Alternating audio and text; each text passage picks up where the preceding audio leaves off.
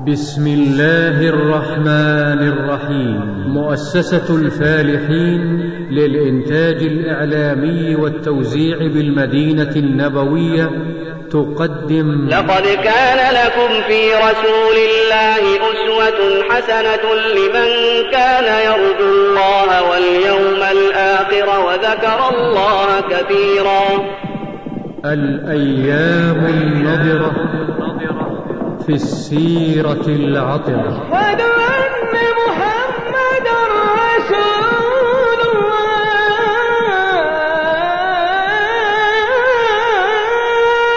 الحمد لله الذي فطر قلوب كثير من خلقه على محبة نبيه صلى الله عليه وسلم. يتأسون به ويقتفون أثره ويلتمسون سنته ويتبعون هديه. وإخوانكم في مؤسسة الفالحين الإسلامية يسعدهم أن يضعوا بين أيديكم هذا الالبوم والمسمى بالأيام النضره في السيرة العطر لنبينا صلى الله عليه وسلم والذي يحتوي على وقفات وإضاءات من أيامه النضره وسيرته العطرة منذ مولده الشريف صلى الله عليه وسلم. ولا ريب أن يوم مولده لم يكن يوما عاديا قطعا يوم يتيه على الزمان صباحه ومساؤه بمحمد والضار نتطيب من شذا مسك سيرته العطر وأيامه النضر نقضي معها أجمل الأوقات وأمتعها. منصتين لحليمة وهي تروي البداية. فلما وضعته في حجري أقبل عليه ثديا بما شاء من لبن. فشرب حتى رو وشرب معه أخوه حتى رو ثم نام. وما كنا ننام معه قبل ذلك. يقول صاحبي حين أصبحنا سألني والله يا حليمة لقد أخذت نسمة مباركة قالت فقلت والله إني لأرجو ذلك. ونقلب صفحات هذه السيرة العطر ونعرج على أحد جبل يحبنا ونحب فقد صعد أحد فرجف الجبل فرحا بصعوده فقال عليه الصلاة والسلام أثبت أحد فإنما عليك نبي وصديق وشهيدان ونستخرج أجمل العبر والآيات من قصة انشقاق القمر أشار إلى القمر وأومأ إليه فانفلق بإذن الله تأييدا لرسالته. ومن قصة تفرق السحاب وأشار إلى السحاب فتفرق إكراما لإشارته. ومن قصة حنين الجذع. وترك الجذع الذي كان يخطب عليه. لما صنع له المنبر حن الجذع إليه. فنزل عليه الصلاة والسلام والتمس الجذع وضمه إليه. معشر المسلمين. الخشبة تحن إلى رسول الله صلى الله عليه وسلم. فما بال قلوبكم لا تحن إليه. كذلك كان رسول الله صلى الله عليه وسلم ولم يكن كذلك غيره. الأيام النضرة. في السيرة العطرة.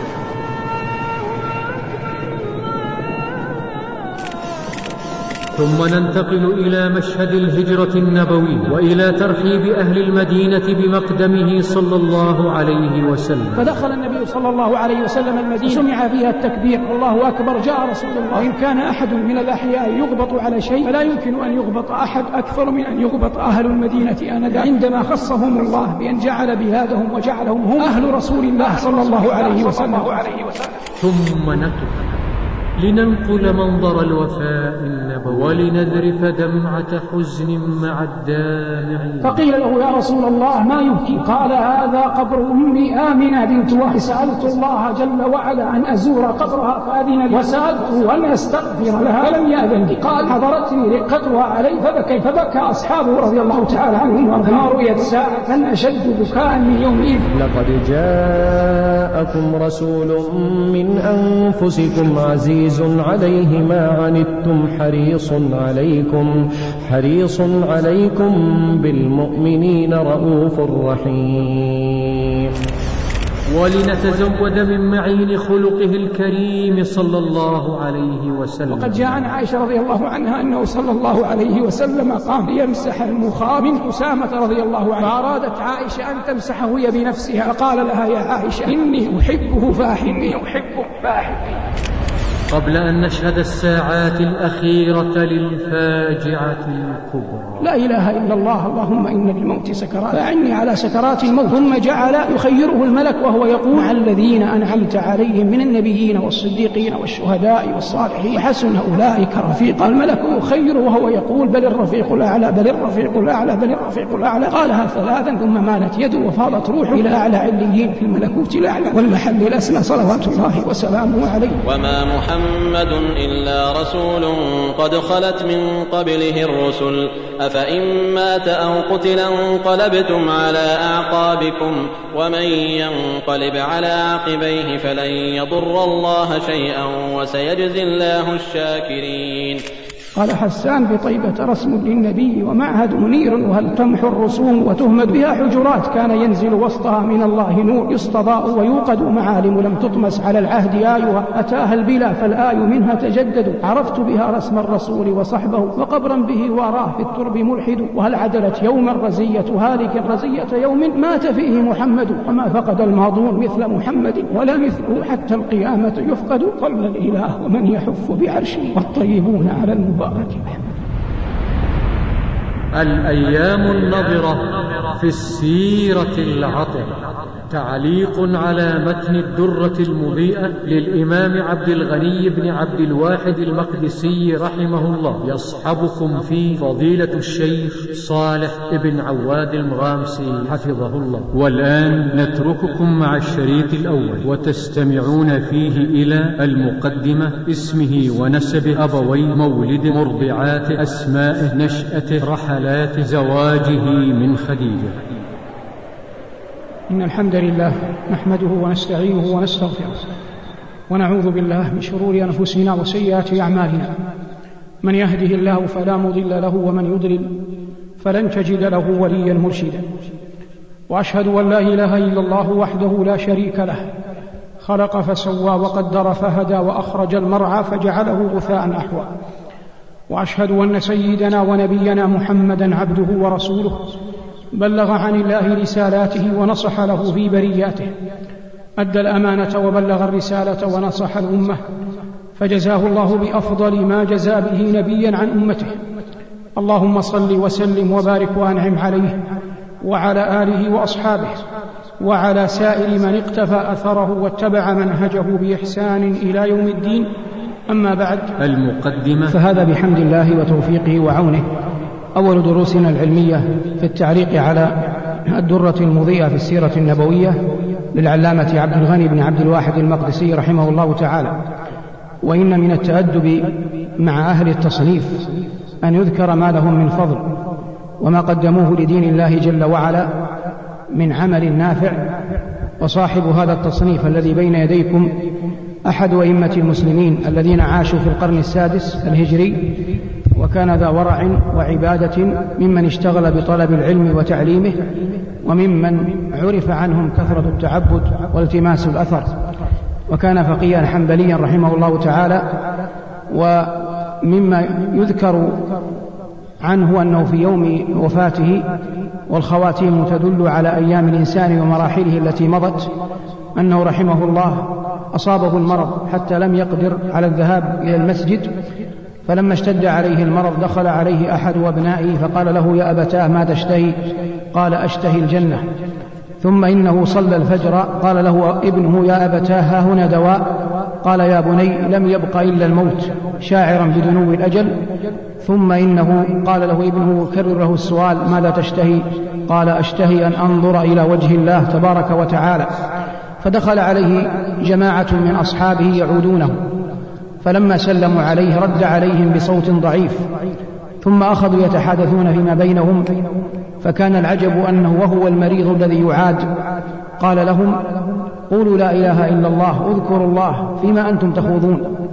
فلما قاموا عنه أخذ يردد لا إله إلا الله ويحرك بها شفتيه حتى فاضت روحه وانتقل إلى جوار ربه.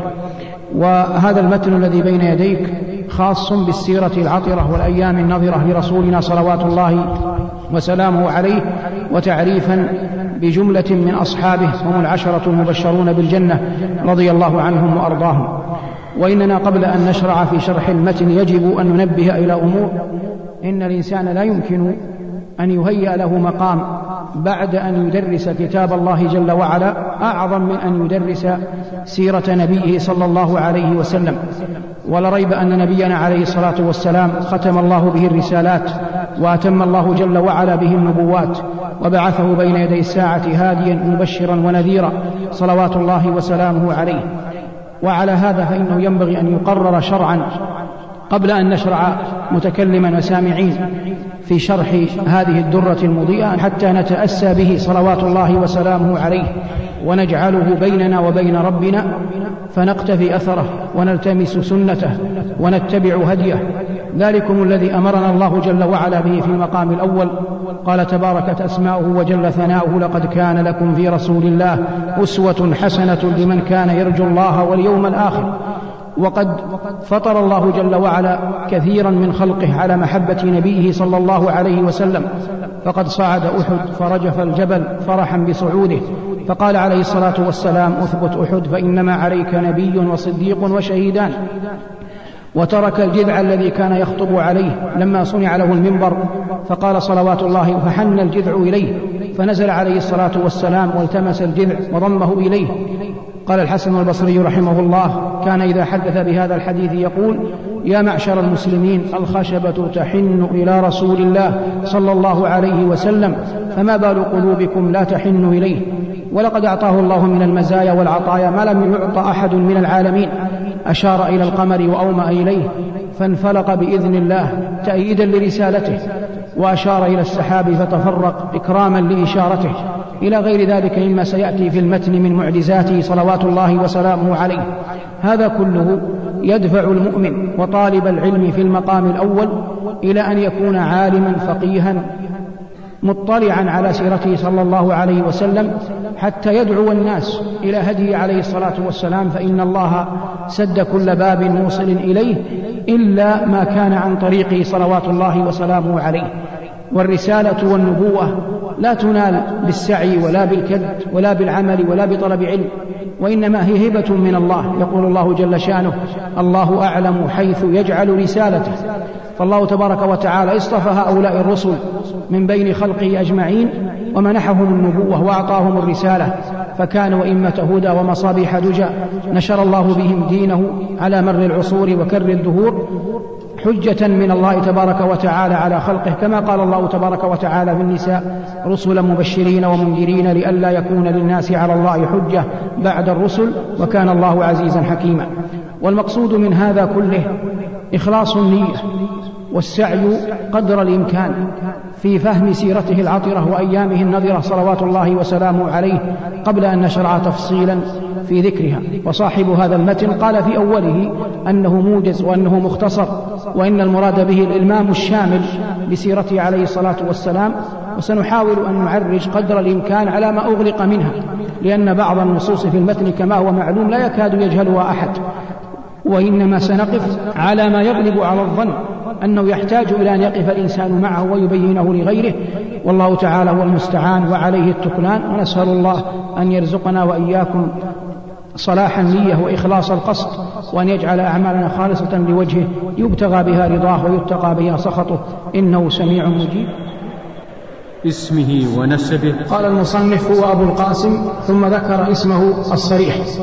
وقبل أن نشرع في هذا نبين أن لله جل وعلا في خلقه سنن.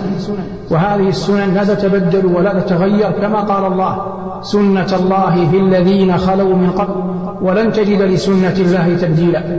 ومن سنته تبارك وتعالى في خلقه سنة الاختيار والاصطفاء ولن نتوسع في الباب حفاظا على المتن لكن نقول الله جل وعلا من بني آدم كلهم لم يختر إلا مئة وأربعة وعشرين ألفا جعلهم أنبياء. ثم من هؤلاء الأنبياء اختار الله جل وعلا ثلاثمائة وثلاثة عشرا جعلهم رسل. ثم من هذا الجم الغفير من الرسل اختار خمسة هم أولو العزم من الرسل نوح وإبراهيم وموسى وعيسى ونبينا صلى الله عليه وسلم. ثم من هؤلاء الخمسة اختار نبينا صلى الله عليه وسلم ليكون خاتم النبيين وأفضل المرسلين وخير خلق الله أجمعين.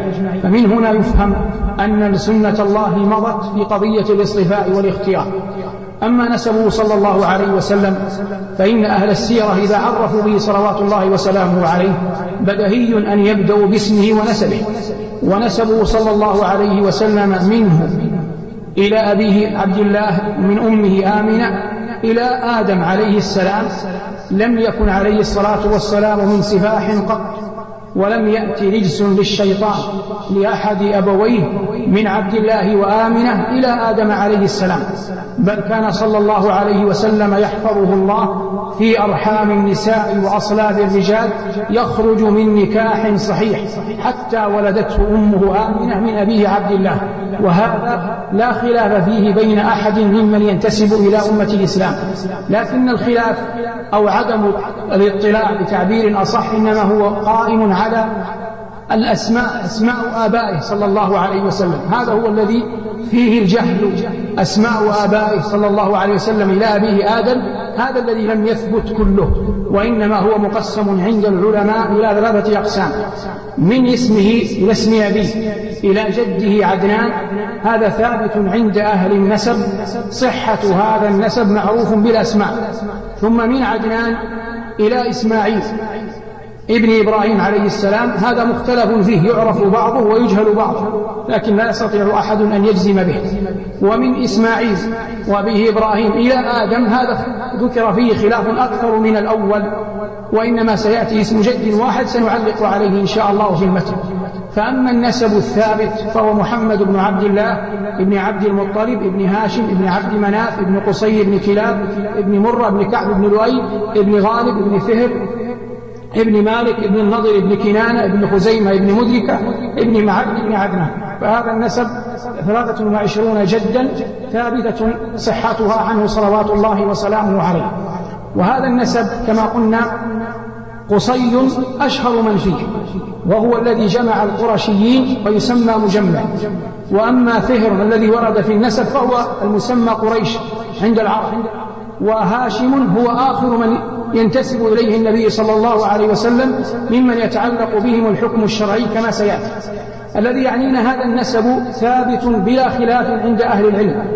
وقلنا إنما الخلاف فيما بعد. فأما عدنان فلا خلاف بين العلماء أنه ينتسب إلى إسماعيل.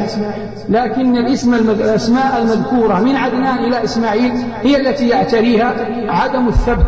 الاختلاف في الأسماء لا في ثبوت أنه صلى الله عليه وسلم من ذرية إسماعيل فلا ريب أنه عليه الصلاة والسلام من ذرية إسماعيل ابن إبراهيم. وهو عليه الصلاة والسلام قال له أبوه إبراهيم أهلا بالابن الصالح. ثم ينتهي نسبه عليه الصلاة والسلام إلى إلى آدم. هذا من جهة أبيه أما من جهة أمه فإن أمه آمنة بنت وهب يلتقي نسبها مع نسب أبيه في مرة. ينتقي نسبها مع نسب أبيه في كلاب بن مرة. فيصبح أن زهرة الذي تسمى آمنة بنت وهب أنها من بني زهرة يصبح زهرة هذا أخ لقصي أخ لقصي جد النبي صلى الله عليه وسلم الخامس. فيصبح زهرة وقصي أخوان لكلاب بن مرة. فيلتقي نسبه صلى الله عليه وسلم يلتقي نسب أبيه مع نسب أمه في كلاب بن مرة. فهو عليه الصلاة والسلام من جهة أبيه من بني هاشم ومن جهة أمه من بني من بني زهرة. وأشهر أصحابه الذين كانوا من بني زهرة سعد بن أبي وقاص رضي الله تعالى عنه وأرضاه وهو الذي جمع له النبي صلى الله عليه وسلم أبويه فقال له في يوم أحد ارمي سعدا فداك أبي وأمي. ارمي سعدا فداك أبي وأمي. وقال صلى الله عليه وسلم كما عند الترمذي بسند صحيح وعند الحاكم في المستدرك من حديث جابر قال هذا خالي فليرني امرؤ خاله. هذا خالي فليرني امرؤ خاله. فافتخر به صلى الله عليه وسلم لأنه من بني زهرة. وقلنا إن بني زهرة هم أخواله صلوات الله وسلامه عليه. ومن رحمة الله بنبيه أن قريشا لما جمعت على نبينا عليه الصلاة والسلام في يوم بدر وكان بنو زهرة ممن قدموا لحربه عليه الصلاة والسلام ثم تبين لهم نجاة العير. رجع بنو زهرة رجع بهم الأخنس بن شريح رجع ببني زهرة فلم يقاتل أحد من بني زهرة في بدر مما يعني يبين أن أخواله صلى الله عليه وسلم من جهة أمه. لم يقاتل منهم أحد في بدر لم يقاتل رسولنا صلى الله عليه وسلم. نعود للنسب فنقول إن الله جل وعلا اختار من بني آدم كلهم بني إسماعيل ثم اختار بني كنانة من بني إسماعيل ثم اختار قريشا من بني كنانة ثم اختار بني هاشم من قريش ثم اختار نبينا صلى الله عليه وسلم من بني هاشم. فهو عليه الصلاة والسلام خيار من خيار من خيار ما خلق الله الخلق وجعلهم فرقتين إلا وكان صلى الله عليه وسلم في خير تلك الفرقتين. وما زال الناس يفرقهم الله شعوبا وقبائل وبيوت حتى انتهى بهم جل جلاله وهو العليم بخلقه. انتهى بهم إلى بني هاشم فجعلهم أفضل خلقه عموما من حيث الإجمال ثم جعل من بني هاشم نبينا وسيدنا وإمامنا صلى الله عليه وسلم. على أنه كذلك يضاف إلى بني هاشم أن هاشم هذا هو ابن عبد مناف وعبد مناف ترك أربعة من الولد ترك نوفل وترك عبد شمس وترك المطلب وترك هاشما ترك أربعة وهذه يجب تحريرها لأنها تتعلق بها مسائل شرعية. ترك عبد مناف أربعة من الولد ذكورا. هم هاشم هذا واحد والمطلب بدون عبد المطلب بدون عبد ونوفل وعبد شمس. فهؤلاء الأربعة إخوان من أبيهم الذي هو عبد مناف. قال عليه الصلاة والسلام عندما ينسب ينسب إلى بني هاشم. هاشم هذا له إخوة ثلاثة الذي ذكرناهم هم نوفل وعبد شمس والمطلب لما حصل ما حصل في شعب بني طالب وحاصرت قريش النبي عليه الصلاة والسلام في الشعب انضم إليه أبناء المطلب أبناء المطلب. انضموا إلى بني هاشم في الشعب كافرهم ومؤمنهم. وبقي بنو عبد شمس وبني نوفل مع قريش ضد النبي صلى الله عليه وسلم وبني هاشم. هذه الخصيصة لبني المطلب حفظها النبي صلى الله عليه وسلم لهم. فلما كانت غزوة خيبر وقسم النبي صلى الله عليه وسلم الغنائم جاءه وفد من بني عبد شمس وبني نوفل. جاءه جبير بن مطعم وجاءه عثمان رضي الله عنه لأنهم بني عبد شمس. فقالوا يا نبي الله إنك أعطيت إخواننا من بني عبد من بني هاشم. وهذه لا تثريب فيها لأن الله شرفهم بك. ولكنك أعطيت إخواننا من بني المطلب. ونحن وإياهم شيء واحد. لأن المطلب لأن المطلب أخ لنوفل وأخ لعبد شمس. فقال صلى الله عليه وسلم لا إن بني المطلب لم يفارقونا في جاهلية ولا في إسلام وشبك بين أصبعه. من هذا ذهب جمهور العلماء إلى أن بني المطلب يدخلون في آل البيت بمقتضى هذا الحديث عن رسول الله صلى الله عليه وسلم. وهذه أهم ما يعرف من فوائد ذكر النسب الشريف على نبينا صلوات الله وسلامه عليه.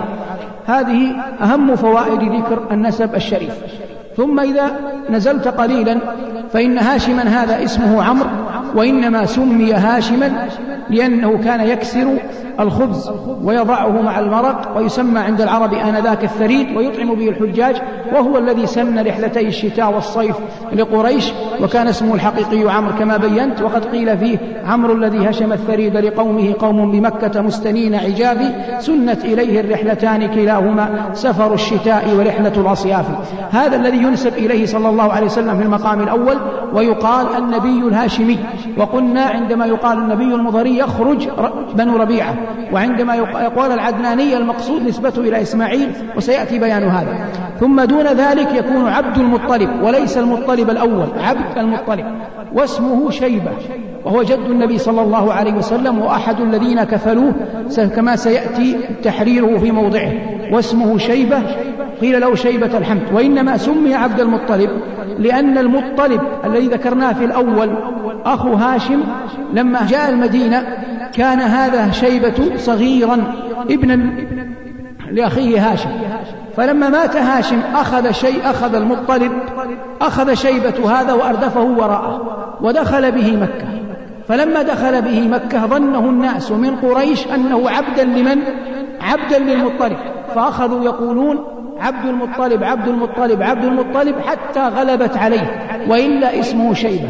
وهنا تظهر فائدة ثانية قلما ينتبه إليها إلا القليل وهو أن النبي صلى الله عليه وسلم قال مفتخرا أنا النبي لا كذب أنا ابن عبد المطلب. هذا الحديث قاله النبي صلى الله عليه وسلم في غزوة حنين والشراح عندما يأتون إلى ذكر الإنسان أنه لا يذكر الإنسان أنه عبد لغير الله فيقولون يجوز في باب النسب. ويأتون بهذا الدليل. يقولون إن النبي صلى الله عليه وسلم يقول أنا النبي لا كذب أنا ابن عبد المطلب. وهذا وهم ممن قاله. لماذا؟ لأن النبي عليه الصلاة والسلام عندما قال أنا ابن عبد المطلب العبودية هنا لم يقصد بها القرشيون عبودية الذل. عبودية التعبد وإنما قصدوا بها عبودية الرق قصدوا بها عبودية الرق. كما تقول أن زيدا من الناس مثلا عبد لبني فلان عبد بمعنى رقيق ليس أنه يعبدهم. فقوله عليه الصلاة والسلام أنا النبي لا كذب أنا ابن عبد المطلب. لم يغير عليه الصلاة والسلام اسم جده ولم يقل أنا أن عبد المطلب لم يكن عبدا لأنه فهم الوضع الذي ذكر منه الاسم وهو أنه صلى الله وهو أن شيبة فهمت قريش أنه عبد للمطلب أي أنه أجير غلام بمعنى عبودية رق. وحتى يتحرر المسألة العبودية أصلا ثلاثة أقسام. العبودية أصلا ثلاثة أقسام. عبودية رق وضدها الحرية. عبودية رق وضدها الحرية وهذه تسمى عبودية شرعية. وعبودية ذل وقهر. وهذه يشترك فيها كل الخلق. الملائكة والجن والإنس. كلهم عبيد لله تبارك وتعالى من هذا الباب. عبودية ذل وقهر من جانب الرب تبارك وتعالى. ودليلها من القرآن إن كل من في السماوات والأرض إلا آتي الرحمن عبدا ودليل الأولى العبد بالعبد. العبودية الثالثة عبودية الطاعة. عبودية الطاعة وتنقسم إلى قسمين. عبودية طاعة لله وعبودية طاعة لغير لغير الله تبارك وتعالى. كما قال عليه الصلاة والسلام تعس عبد الدينار تعس عبد الدرهم تعس عبد الخميسة. إلى آخر الحديث. عبودية الطاعة تنقسم إلى قسمين طاعة للرب جل وعلا وطاعة لغير الله. عبودية طاعة لله هي التي يتنافس فيها المتنافسون ويشمر فيها العاملون وهي التي بلغ النبي صلى الله عليه وسلم الذروة منها. فكان كما سماه الله جل وعلا قال تبارك الذي نزل الفرقان على عبده قصد الله بها هنا عبودية الطاعة. هذا عبد المطلب جد النبي صلى الله عليه وسلم الأول. من هذا يفهم أن النبي صلى الله عليه وسلم من جهة أبيه وأمه عربي من العرب المستعربة والعرب ينقسمون إلى ثلاثة, إلى ثلاثة أقسام. العرب أمة تنقسم إلى ثلاثة أقسام. عرب بائدة وعرب عاربة وعرب مستعربة. عرب بائدة وعرب مستعربة وعرب عاربة. أما العرب البائدة فهم كثمود وعاد فهذه أمم عربية كانت موجودة ثم بادت. كانت موجودة ثم بادت ولم يبق منها على الأظهر نسب. وعرب عاربة أي عرب أقحاح جدا وهم ذرية يعرب ابن قحطان. ذرية يعرب ابن قحطان فهذا يعرب هو جد العرب ويسمى العرب هؤلاء بالقحطانيون. يسمى هؤلاء العرب بالقحطانيين نسبة إلى يعرب بن قحطان وهؤلاء هم العرب هم العرب العاربة. بقي الأمر الثالث أو القسم الثالث وهم العرب المستعربة. والألف والسين والتاء في اللغة غالبا ما تعني الاكتساب تعني الطلب تعني الاكتساب تعني مسائل عدة منها الاكتساب الشيء. فعرب مستعربة أي ليسوا عربا في أصلهم وإنما اكتسبوا العروبة. وإسماعيل عليه الصلاة والسلام ابن من؟ ابن إبراهيم. وإبراهيم لم يكن عربيا وإن كان من ذرية سام لكنه لم يكن عربيا. ولذلك تقرأ في القرآن إلى إبراهيم بالفتح. ويقول النحاة ممنوع من الصرف. لماذا؟ لأنه للعلمية هذا واحد وللعجمة أي غير عربي. فإبراهيم عليه الصلاة والسلام ليس عربي بالتالي إسماعيل ليس عربيا لكن إسماعيل اكتسب العربية من ماذا؟ من جهة زوجته لأنه أخذ من جرهم وجرهم قبيلة عربية قحطانية. جرهم قبيلة عربية قحطانية أخذ منهم إسماعيل. فمن تولد من ذرية إسماعيل وزوجته التي من جرهم يسمون عربا مستعربة ومنهم نبينا صلى الله عليه وسلم. فالعرب قحطانيون وعدنانيون هذا تقسيم. ويسمون عرب الشمال وعرب الجنوب هذا تقسيم. ويسمون عرب الحجاز هم العرب المستعربة. في الغالب ولا ليس لهذا التقسيم قسيم. يعني إذا قلنا عرب الحجاز لا يوجد له قسيم آخر نحيل عليه. على هذا يفهم أن العرب أمة تنقسم إلى ثلاثة أقسام عرب بائدة وعرب عاربة وعرب مستعربة وأنه صلى الله عليه وسلم من العرب المستعربة الذين اكتسبوا العربية من جرهم قبيلة قحطانية نزلت مكة وتزوج منهم إسماعيل عليه الصلاة والسلام. هذا كله في ذكر نسبه صلى الله عليه وسلم وقد بينا أهم ما فيه. ذكر المصنف أن إدريس أول من نبئ وأول من خط بالقلم وهذا ذكرها أبو هلال العسكري في الأوائل ولا دليل عليها. وإذا أطلقنا النبوة فمن الخطأ أن يقال إن إدريس عليه السلام أول من نبئ لأن هذا قد يفهم منه بادي الرأي أن آدم عليه الصلاة والسلام ليس بنبي. والمعلوم شرعا المقرر كما في الحديث أن النبي عليه الصلاة والسلام سئل عن آدم أنبي هو؟ قال نعم نبي مكلم. فآدم نبي. فالقول أن إدريس أول من نبئ غير صحيح. القول أن إدريس أول من نبئ غير صحيح إلا أن يكون المقصود أول من نبئ بعد آدم.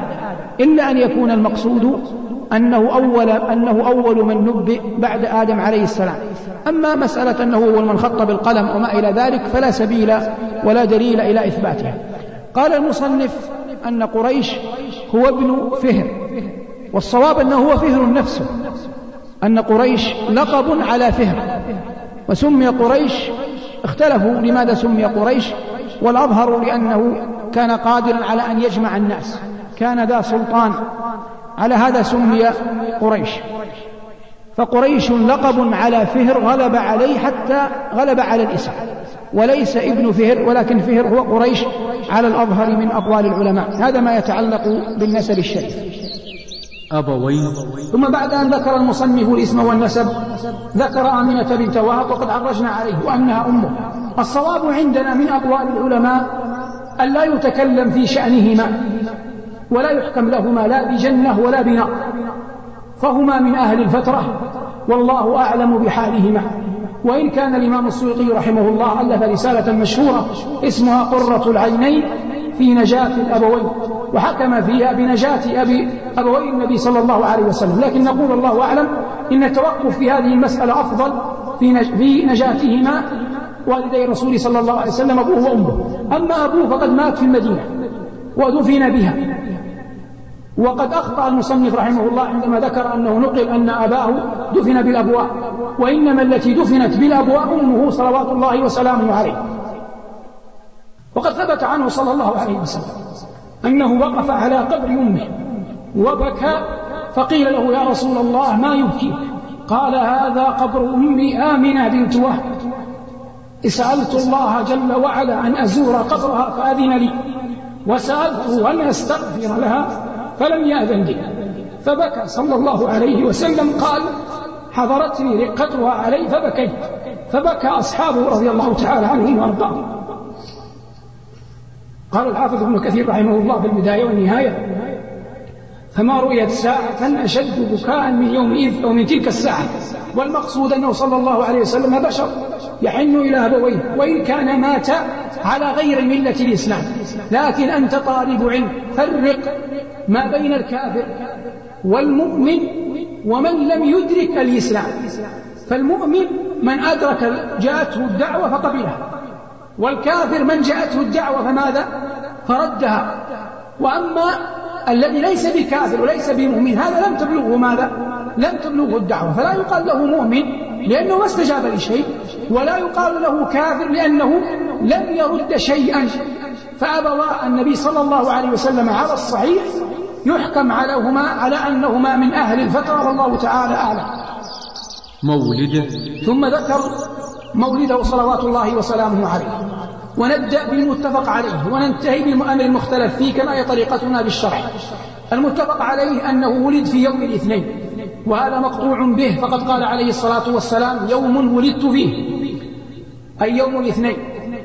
واختلف في أي يوم يوم الاثنين هذا أيا كان من الشهر مع الاتفاق على أنه كان شهر ربيع الأول. والمشهور عند العلماء ونقل بعض العلماء الإجماع عليه على أنه كان الثاني عشر من شهر ربيع الأول. وهذا تجرأ بعض العلماء فنقل الإجماع عليه وليس عليه إجماع على الصحيح. وقيل إنه الثاني من شهر ربيع الأول وقيل غير ذلك.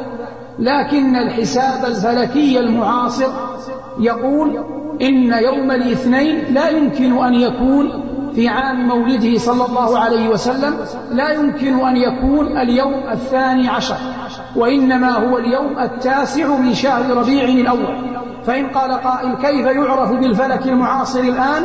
يوم مر عليه أكثر من ألف ألف وأربعمائة وخمسين عام أو أكثر. فإننا نقول إن الإنسان إذا مثلا هذا العام دخل رمضان بيوم الجمعة أمس كان يوم الجمعة. فبالحساب المعروف المعقول المعهود الذي لا يختلف عليه اثنان يستحيل أن يكون عيد الفطر هذا العام في يوم في يوم الجمعة لأن الشهر ثلاثين يوما.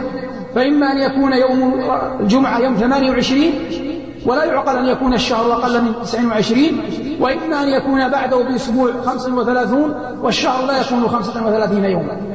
فعندما تقطع أن الشهر لا يمكن أن يكون هذا العام العيد في, في يوم الجمعة هذا بناء على حساب معروف. فهو عليه الصلاة والسلام ثبت أنه وقف في عرفة في شهر ذي الحجة من العام العاشر في اليوم في يوم الجمعة. فممكن من منها يرجع الإنسان إلى الخلف فيعرف أي يوم يوم الاثنين في شهر ربيع الأول في يوم مولده. ويوم الجمعة كذلك كان في اليوم السابع عشر من شهر رمضان الذي قاتل فيه النبي صلى الله عليه وسلم كان يوم جمعة. فمنها ممكن أن ترجع إلى الوراء لكن الفلكيين يرجعون إلى حسابات غير هذا. لكن أنا أتكلم كيف أن الأمر يمكن أن يستدل عليه ببساطة. والمقصود من هذا الخلاف في تحديد أي يوم تاريخيا من شهر ربيع الأول ولد فيه صلى الله عليه وسلم. ثم اتفقوا أو أكثرهم على أنه ولد عام الفيل. وعام الفيل هو العام الذي غزا فيه أبراءة الأشرم الكعبة. وهذا ثابت جملة بنص القرآن. قال الله ألم تر كيف فعل ربك بأصحاب الفيل؟ فأصحاب الفيل أبراة وجيشه. ألم يجعل كيدهم أي مكرهم وإرادتهم الكعبة بسوء في تضليل؟ وأرسل عليهم طيرا أبابيل ترميهم بحجارة من سجيل فجعلهم كعصف مأكول. في هذا العام الذي كان فيه محاولة غزو الكعبة من أبرهة والعرب تؤرخ بالأحداث العظام ولد نبينا صلى الله عليه وسلم. فأصبح المتفق عليه أنه ولد في عام الفيل في يوم الاثنين من شهر ربيع الأول مع الخلاف في أي يوم ولد فيه تاريخيا. ولا ريب أن يوم مولده لم يكن يوما عاديا قطعا يوم يتيه على الزمان صباحه ومساؤه بمحمد والضار وإن كنا نعلم أنه لا يتعلق بمعرفة يوم مولده أمر شرعي إلا أن يوم مولده صلى الله عليه وسلم لن يكون أمرا عاديا فإن الدنيا بعده صلى الله عليه وسلم بعد ولادته لن تكون كالدنيا قبل ولادته صلوات الله وسلامه عليه. مرضعاته. ثم انتقل المصنف إلى مرضعاته صلوات الله وسلامه عليه. وأول من تولى رضاعته أمه آمنة بلا شك. وقد أرضعته ثلاثة أيام على المشهور عند العلماء. ثم أرضعته ثويبة جارية لأبي لهب. كان لها ولد يقال لها له مسروح. فأرضعته بلبن ابنها مسروح وأرضعت معه عمه حمزة بن عبد المطلب. فأصبح حمزة رضي الله عنه وأرضاه عم النبي من جهة النسب وأخوه من جهة الرضاعة. ثم أرضعته حليمة السعدية رضي الله عنها وأرضاها قدمت إلى مكة فأخذته معها في قصة معلومة عجيبة سنتعرض لها تفصيلا. ثم أخذته معها إلى بادية بني سعد الموجودة إلى اليوم في جنوب الطائف. أخذته معها فأرضعته فمكث في بادية بني سعد صلى الله عليه وسلم أربع سنين وكان في تلك الهجرة في هجرة بادية بني سعد كانت حادثة شق الصدر الأولى. والعلماء رحمهم الله إذا عرجوا على ذكر حليمة السعدية لا يدخلون بقلمهم في الكتاب وإنما ينقلون ما قصته حليمة فيما نقله محمد بن إسحاق بن يسار المدني إمام أهل السير في قصة إرضاع حليمة لنبينا صلى الله عليه وسلم.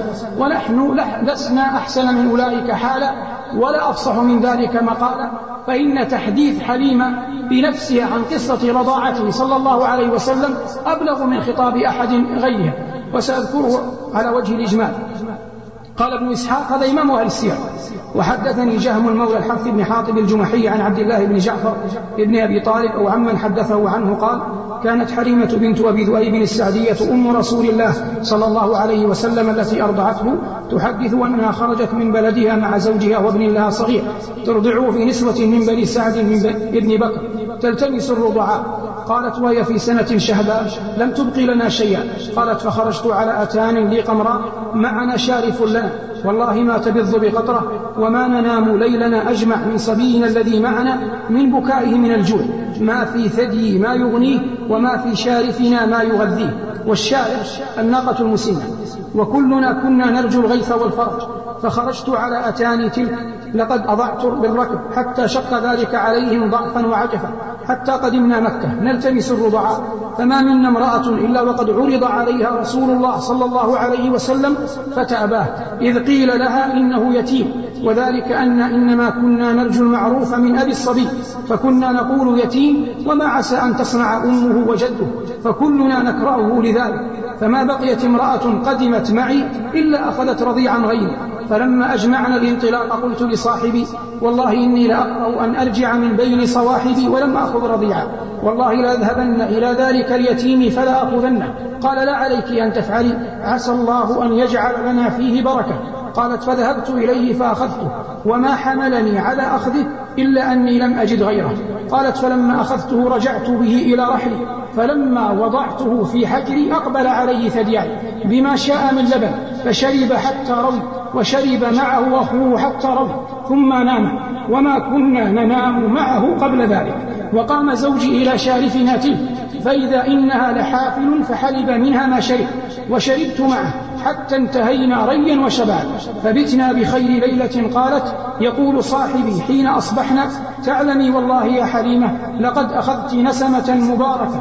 قالت فقلت والله إني لأرجو ذلك. قالت ثم خرجنا وركبت أتاني وحملته عليها معي فوالله لقطعت بالركب ما يقدر عليها شيء من حمرهم حتى إن صواحبي ليقن لي يا ابنة أبي ذؤيب ويحك إربعي علينا أليست هذه أتانك التي كنت خرجت عليها؟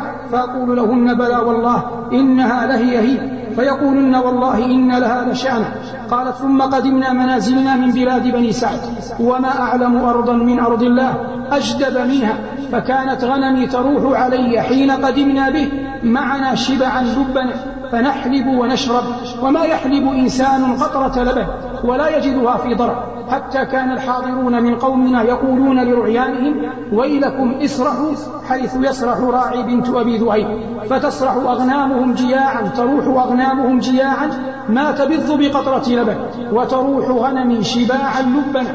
فلم نزل نتعرف من الله الزيادة والخير حتى مضت سنتاه وبصرته أي فطمته. وكان يشب شبابا لا يشبه الغلمان فلم يبلغ سنتين حتى كان غلاما جفرا قالت فقدمنا به على أمه ونحن أحرص شيء على مكثه فينا. لما كنا نرى من بركته. فكلمنا أمه وقال وقلت لها لو تركت بني عندي حتى يغلظ فإني أخشى عليه وباء مكة. قالت فلم نزل بها حتى ردته معنا. قالت فرجعنا به. فوالله إنه بعد مقدمنا بأشهر مع أخيه لفي بهم لنا خلف بيوتنا. إذ أتانا أخوه يشتد فقال لي ولأبيه ذلك أخي القرشي قد أخذه رجلان عليهما ثياب بيض. فاضطجعاه فشق بطنه فهما يسوطانه. قالت فخرجت أنا وأبوه نحوه فوجدناه قائما متقنعا وجهه. قلت فالتزمته والتزمه أبوه. فقلنا له ما لك يا بني؟ قال جاءني رجلان عليهما ثياب بيض. فاضطجعاني وشق بطني فالتمسا به شيئا لا أدري ما هو. قالت فرجعنا إلى خبائنا قالت وقال لي أبوه يا حليمة لقد خشيت أن يكون هذا الغلام قد أصيب فالحقيه بأهله قبل أن يظهر ذلك به. قالت فحملناه فقدمنا به على أمه. قالت ما أقدمك به يا ضئ أي يا مرضعة وقد كنت حريصة عليه وعلى مكثه عندك. قالت فقلت نعم قد بلغ الله يا بني وقضيت الذي علي وتخوفت الأحداث عليه فأديته عليك كما تحبين. قالت ما هذا شأنك؟ فاصدقيني خبرك قالت فلم تدعني حتى أخبرتها. قالت أفلا تخوف عليه الشيطان؟ قالت قلت نعم. قالت كلا والله ما للشيطان علي منه سبيل. وإنه وإن لبني لشأنا أفلا أخبرك ما خبره؟ قالت قلت بلى. قالت رأيت حين حملت به. أن خرج مني نور أضاء لي به. قصور بصرى من أرض الشام ثم حملت به فوالله ما رأيت من حمل قط أي تسمع كان أخف ولا أيسر منه ووقع حين ولدته وإنه لواضع يده بالأرض رافع رأسه إلى السماء دعيه عنك وانطلقي راشدا. هذا ما ذكره الإمام ابن إسحاق رحمه الله وأخذه عنه أهل العلم. والسند فيه ما فيه كما قال العلماء لكن الحديث أصله في صحيح مسلم فإن شق الصدر ثابت في صحيح مسلم عنه صلوات الله وسلامه عليه. الذي يعنينا من هذا المقام أن مرضعات صلوات الله وسلامه عليه ثلاثة. أمه آمنة وثويبة جارية أبي لهب وحليمة السعدية كما مر معنا أسمائه. هذا فصل في ذكر أسمائه صلوات الله وسلامه عليه. وتحرير المسألة أن يقال إن من أسمائه صلى الله عليه وسلم ما يشاركه فيه الناس مثل محمد وأحمد. فالناس يسمون بمحمد وأحمد ولهذا لم يقل صلى الله عليه وسلم في تفسيرهما شيئا. واضح؟ قال أنا محمد ولم يبين وقال أنا أحمد ولم يفصل لأنها من الأسماء المشتركة التي يسميها كل أحد. لكن عندما قال أنا الماحي أنا العاقب فصل صلوات الله وسلامه عليه. لأن الماحي والعاقب تتعلق بكونه نبيا ورسولا لا تتعلق بكونه رجلا ينادى بين الناس. واضح؟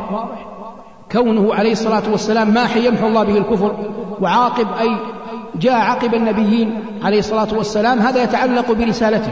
فلهذا بين ما معنى ماحي ما معنى الماحي وما بين ما بين العاقب الذي يحشر الناس على يديه من أشراط الساعة خروجه صلى الله عليه وسلم.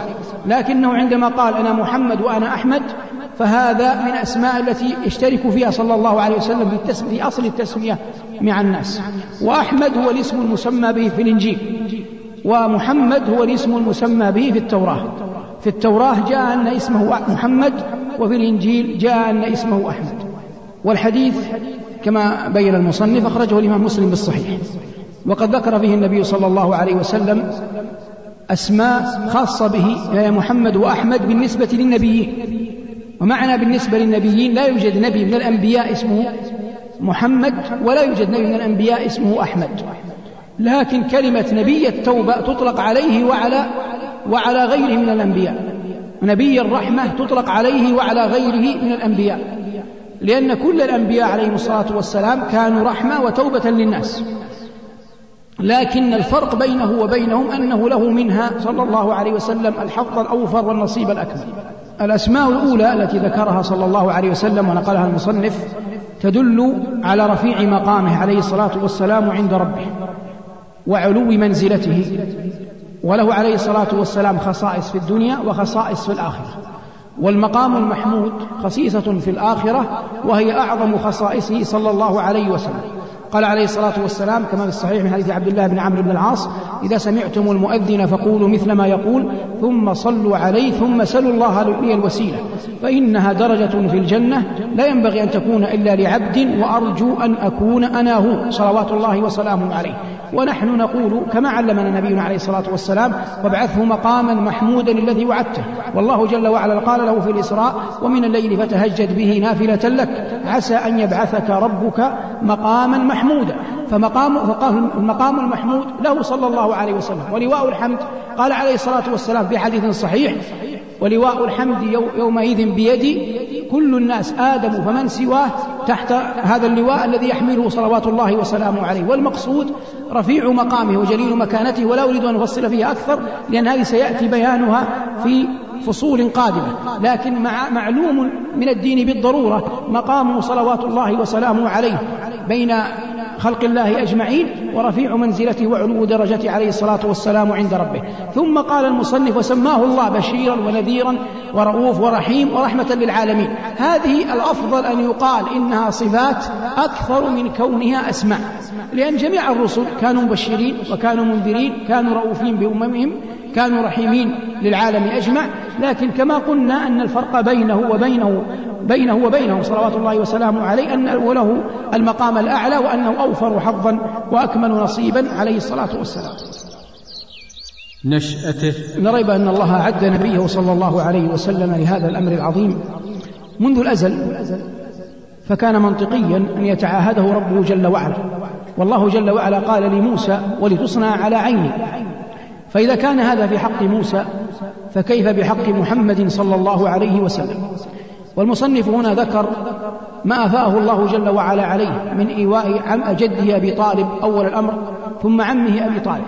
وكلا الرجلين بذل جهدا عظيما في كفالة نبينا صلى الله عليه وسلم. أما عبد المطلب فقد كان يقربه منه وكان يفرش له فراش عند الكعبة فيجلس صلى الله عليه وسلم بجوار جده ولا يعاتبه أحد رغم أن عبد المطلب كان وجيها سيدا مطاعا مهابا لكن كانت الحظوة لرسول الله صلى الله عليه وسلم وهو صبي عند جده عظيمة.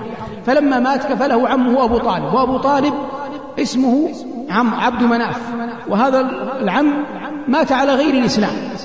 لكن ذلك لا يمنع أنه كان من أعظم النصراء لنبينا صلى الله عليه وسلم. ومما ينقل عنه في تعاهده لنبينا عليه الصلاة والسلام صغيرا وكبيرا أنه كان والنبي عليه الصلاة والسلام صغير. تطلب قريش من أبي جاء من أبي طالب أن يستسقي له إذا أجدبت الديار كما نقل ابن عساكر في تاريخ دمشق. فجاء أبو طالب وحمل النبي صلى الله عليه وسلم وكان يومئذ صغيرا أبيض فألصقه بجدار الكعبة. فلما ألصقه بجدار الكعبة أشار صلى الله عليه وسلم بإصبعه إلى السماء وهو صبي. فجاء السحاب من كل مكان فسقوا حتى سال الوادي. فقال أبو طالب في لاميته بعد ذلك وأبيض يستسقى الغمام بوجهه ثمال اليتامى عصبة للأرامل. وأبيض يستسقى الغمام بوجهه ثمال اليتامى عصبة للأرامل. هذا من حظوة النبي صلى الله عليه وسلم عند أبي طالب.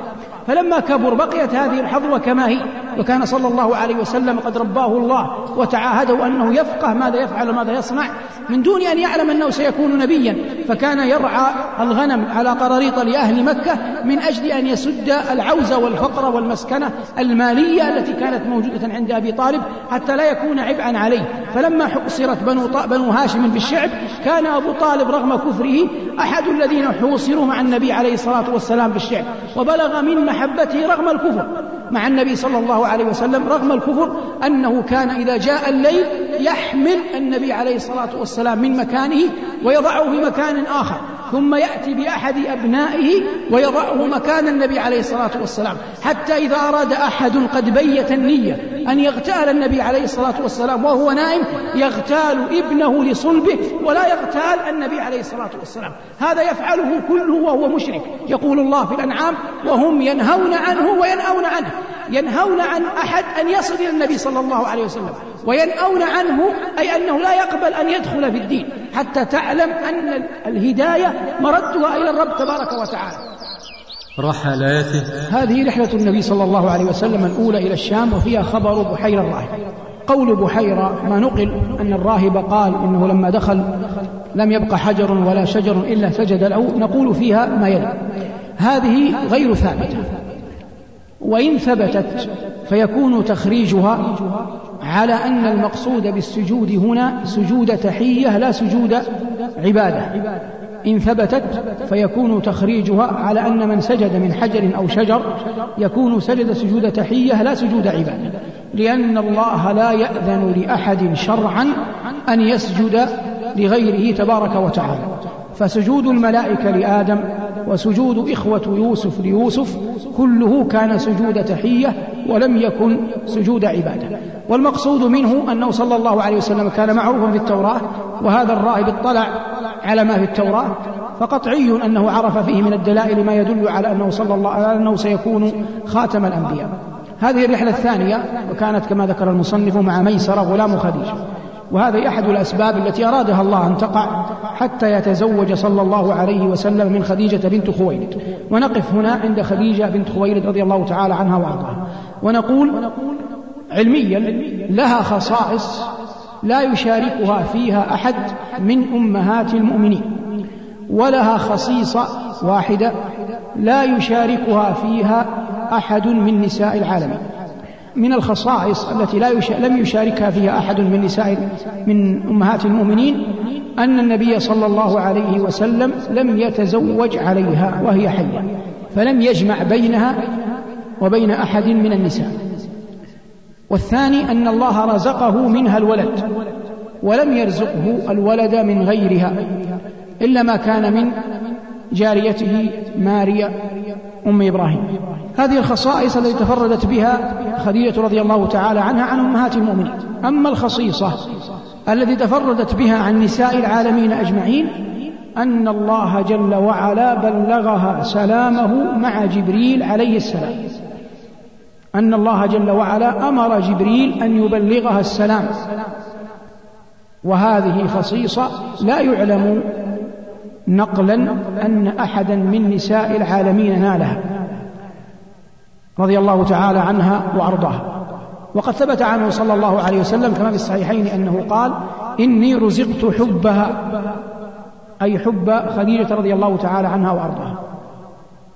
والمقصود أن هذه كانت هي الرحلة الثانية له صلى الله عليه وسلم إلى الشام وخديجة هي أول نسائه وسيأتي فصل عن نسائه صلوات الله وسلامه عليه. زواجه من خديجة. قال المصنف رحمه الله فلما بلغ أي النبي صلى الله عليه وسلم خمسا وعشرين سنة تزوج خديجة عليها السلام هكذا قال المصنف فلما بلغ أربعين سنة اختصه الله بكرامته. نأتي عند زواجه من خديجة. قلنا إن خديجة تزوجت قبله رجلين عتيق بن عائف وأبو هالة التميمي وكلاهما توفي عنها. ثم تزوجت بعده نبينا صلى الله عليه وسلم وعمره إذ ذاك خمسة وعشرون سنة. وعمرها أربعون سنة فالفارق بينهما خمسة عشر عاما. وهذه المرأة هي سيدة نساء العالمين على الصحيح وقد اختصها الله جل وعلا بكرامات. منها كرامات إلهية ومنها كرامات نبوية وكل من عند الله. أما الكرامات الإلهية فإنها أول إنسان في هذه الأمة آمن بنبينا صلى الله عليه وسلم. قال عز الدين بن الأثير رحمه الله وأجمع المسلمون على أن خديجة بنت خويلد أول الناس إسلاما من هذه الأمة فلم يسبقها إلى الإسلام أحد لا أبا بكر ولا غيره من الصحابة رضي الله عنهم وأرضاهم. فمنذ أن نزل صلى الله عليه وسلم من الجبل إلى بيت خديجة لم يقابل أحدا ويعرض عليه الدين. فعرض الدين أول الأمر على خديجة خائفا ويخبرها الخبر كما سيأتي. فقالت له قال حتى خشيت على نفسي. قالت لا والله أقسم لن يخزيك الله أبدا. وهي امرأة تتكلم بعقل ومنطق فلما أقسمت كان يجب عليها أن تأتي بالدليل على قسمها. قالت لا والله لن يخزيك الله أبدا وهو ما يسمى في علم المنطق بالاستنباط أو بالاستقراء. قالت لن يخزيك الله أبدا إنك لتحمل الكلب وتعين على نوائب الحق وتصدق الحديث وذكرت فضله صلى الله عليه وسلم. فهي زوجته وأعلم الناس به وقد يكون الإنسان سخيا في, في الظاهر بخيلا على أهله في داره وقد يكون الإنسان حليما في الخارج يغضب على أهل بيته. وقد يكون الإنسان عدلا بين الناس جائرا في منزله جائرا على طلابه. لكن هذه الزوجة تعرف كل شيء عن مخبره ومظهره وباطنه صلى الله عليه وسلم. فأقسمت أنه لن يخزيه الله فكانت أول خلق الله إسلاما من هذه الأمة. هذه الخصيصة الأولى. الخصيصة الإلهية الثانية أنه نزل جبريل من السماء كما في الخبر الصحيح. فقال لنبينا صلى الله عليه وسلم هذه خديجة بنت خويلد ستأتيك. هذا بعد البعثة ومعها إناء فإذا هي أتتك فقرئها من الله. ومني السلام. وبشرها ببيت في الجنة لا صخب فيه ولا نصب. بيت من قصب لا صخب فيه ولا نصب. فلما جاءت خديجة أخبرها النبي صلى الله عليه وسلم بما قال جبريل. قال إن الله يقرئك السلام وجبريل يقرئك السلام. الخصيصة هنا أنه لم يبلغنا فيما نعلم أن الله جل وعلا أرسل سلاما إلى امرأة إلا لخديجة بنت خويلد. لم يبلغنا أن الله أرسل سلاما إلى امرأة إلا لخديجة بنت خويلد. وهذه منقبة. لو تعرف مقدار عظمة الله لعرفت مقدار عظمة منقبة أن يبعث الله بسلام منه إلى امرأة تمشي على قدميها بين الناس.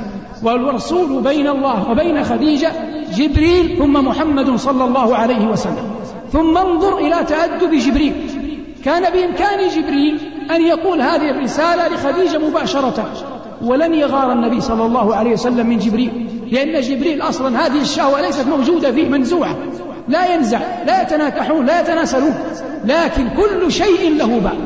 والله يقول وأتوا البيوت من أبوابها فلا يعقل أن يكلم أحد زوجة رجل وهو موجود. فأقرأه جبريل أقرأه النبي صلى الله عليه وسلم وقرأه النبي عليه الصلاة والسلام لخديجة. ثم انظر إلى فقهها رضي الله عنها مع أن الإسلام في أول أيامه. قالت إن الله هو السلام وعليك وعلى جبريل السلام ولم تقل وعلى الله السلام. مع أن الصحابة لما هاجروا إلى المدينة وفرضت الصلاة كانوا يقولون السلام على الله السلام على جبريل فأخبرهم النبي صلى الله عليه وسلم أن الله هو السلام ولا ينبغي أن يقال السلام على الله وعلمهم صلى الله عليه وسلم ماذا يقول. فهذا من مناقبها رضي الله عنها وأرضاها وآتاني خصيصتان من الله جل وعلا. من الخصائص الإلهية التي تندرج بعد ذلك كونها خصيصة نبوية. أن النبي صلى الله عليه وسلم كان يكرمها أعظم الإكرام. ومن دلائل إكرامات النبي صلى الله عليه وسلم ما يلي له. أولا لم يتزوج عليها صلوات الله وسلامه عليه مدة حياتها حتى ماتت عن خمس وستين سنة. وكان عمره صلى الله عليه وسلم عندما ماتت قرابة الخمسين عاما. فعاشت معه رضي الله عنها وأرضاها خمسة وعشرين سنة. فلم يتزوج عليها ولم يتسر أيام حياته. هذه واحدة. الثانية أن النبي صلى الله عليه وسلم أكثر من ذكرها وهو مهاجر في المدينة. فقالت له عائشة وقد أصابته أصابتها الغيرة وهل كانت إلا عجوزا في غابر الأزمان قد أبدلك الله خيرا منها. فقال لا والله ما أبدلني الله خيرا منها لقد آمنت بي إذ كفر بي الناس ووأستني بمالها إذ حرمني الناس وصدقتني إذ كذبني الناس وكان لي منها الولد. ولم ينجب أحد من زوجات النبي صلى الله عليه وسلم إلا خديجة. اللهم إلا ما كان من أمر ماريا القبطية فسرها صلى الله عليه وسلم فأنجب منها إبراهيم. أما الولد وإبراهيم ولده أما من زوجاته اللاتي هن أمهات المؤمنين لم تنجب منه صلى الله عليه وسلم إلا خديجة أنجبت منه غلامان وأربع بنات سيأتي فصل في ذكر أولاده صلى الله عليه وسلم. هذه المنقبة الثانية. المنقبة الثالثة لما ماتت نزل النبي صلى الله عليه وسلم قبرها ودفنها ولم يصلي عليها. لماذا؟ لم تكن الصلاة قد فرضت. ماتت قبل أن تفرض الصلاة. لم يصلي عليها ماتت قبل أن تفرض الصلاة. ماتت ولتوهم بنو هاشم خارجون من الشعب قبل أن تنزل الصلاة. والصلاة إنما فرضت متى؟ بعد رحلة الإسراء والمعراج. صبيحة الإسراء والمعراج الظهر نزل جبريل فأما النبي صلى الله عليه وسلم. قبلها لم تكن الصلاة مفروضة الفرض فضلا عن صلاة الجنازة وهي نافلة. فلم يصلي عليه صلى الله عليه وسلم وإنما نزل قبرها رضي الله عنها وأرضاها. هذه بعض مناقب أم المؤمنين رضي الله عنها وأرضاها خديجة بنت خويلد الذي زوجها النبي صلى الله عليه وسلم. وهذا كله يندرج في عناية الله بنبيه. فإن قلت أين عناية الله بنبيه؟ من هذا الزواج نقول إن الله علم أن هذا النبي سيبلغ الوحي. فهو يحتاج في أيام الدعوة إلى امرأة تنصره. لا يحتاج إلى امرأة شابة تكثر مطالبها وإنما يحتاج إلى امرأة راشدة عاقلة. فالنبي عليه الصلاة والسلام ترك عندها الأبناء والبنات وذهب إلى غار حراء يتحنث الليالي ذوات العدد فلما رجع لم تخبره ولم تلمه ولم تعنفه على أنه تركها. أين الأبناء؟ أين طعامهم؟ أين الأولاد؟ أين أين؟ وإنما ضمته إلى صدرها. وهو يقول زملوني زملوني سمعت منه أخذت بيده ذهبت به إلى ورقة بن نوفل ابن عمها قالت اسمع من ابن أخيك أخذت تعضده وتأويه صلى الله عليه وسلم وتنصره وتعينه بمالها كما قال صلوات الله وسلامه عليه بعد ذلك عنه. فحفظ النبي صلى الله عليه وسلم لها هذا الجميل وهذا كله من عناية الله بنبينا صلوات الله وسلامه عليه. الأيام النضرة في السيرة العطرة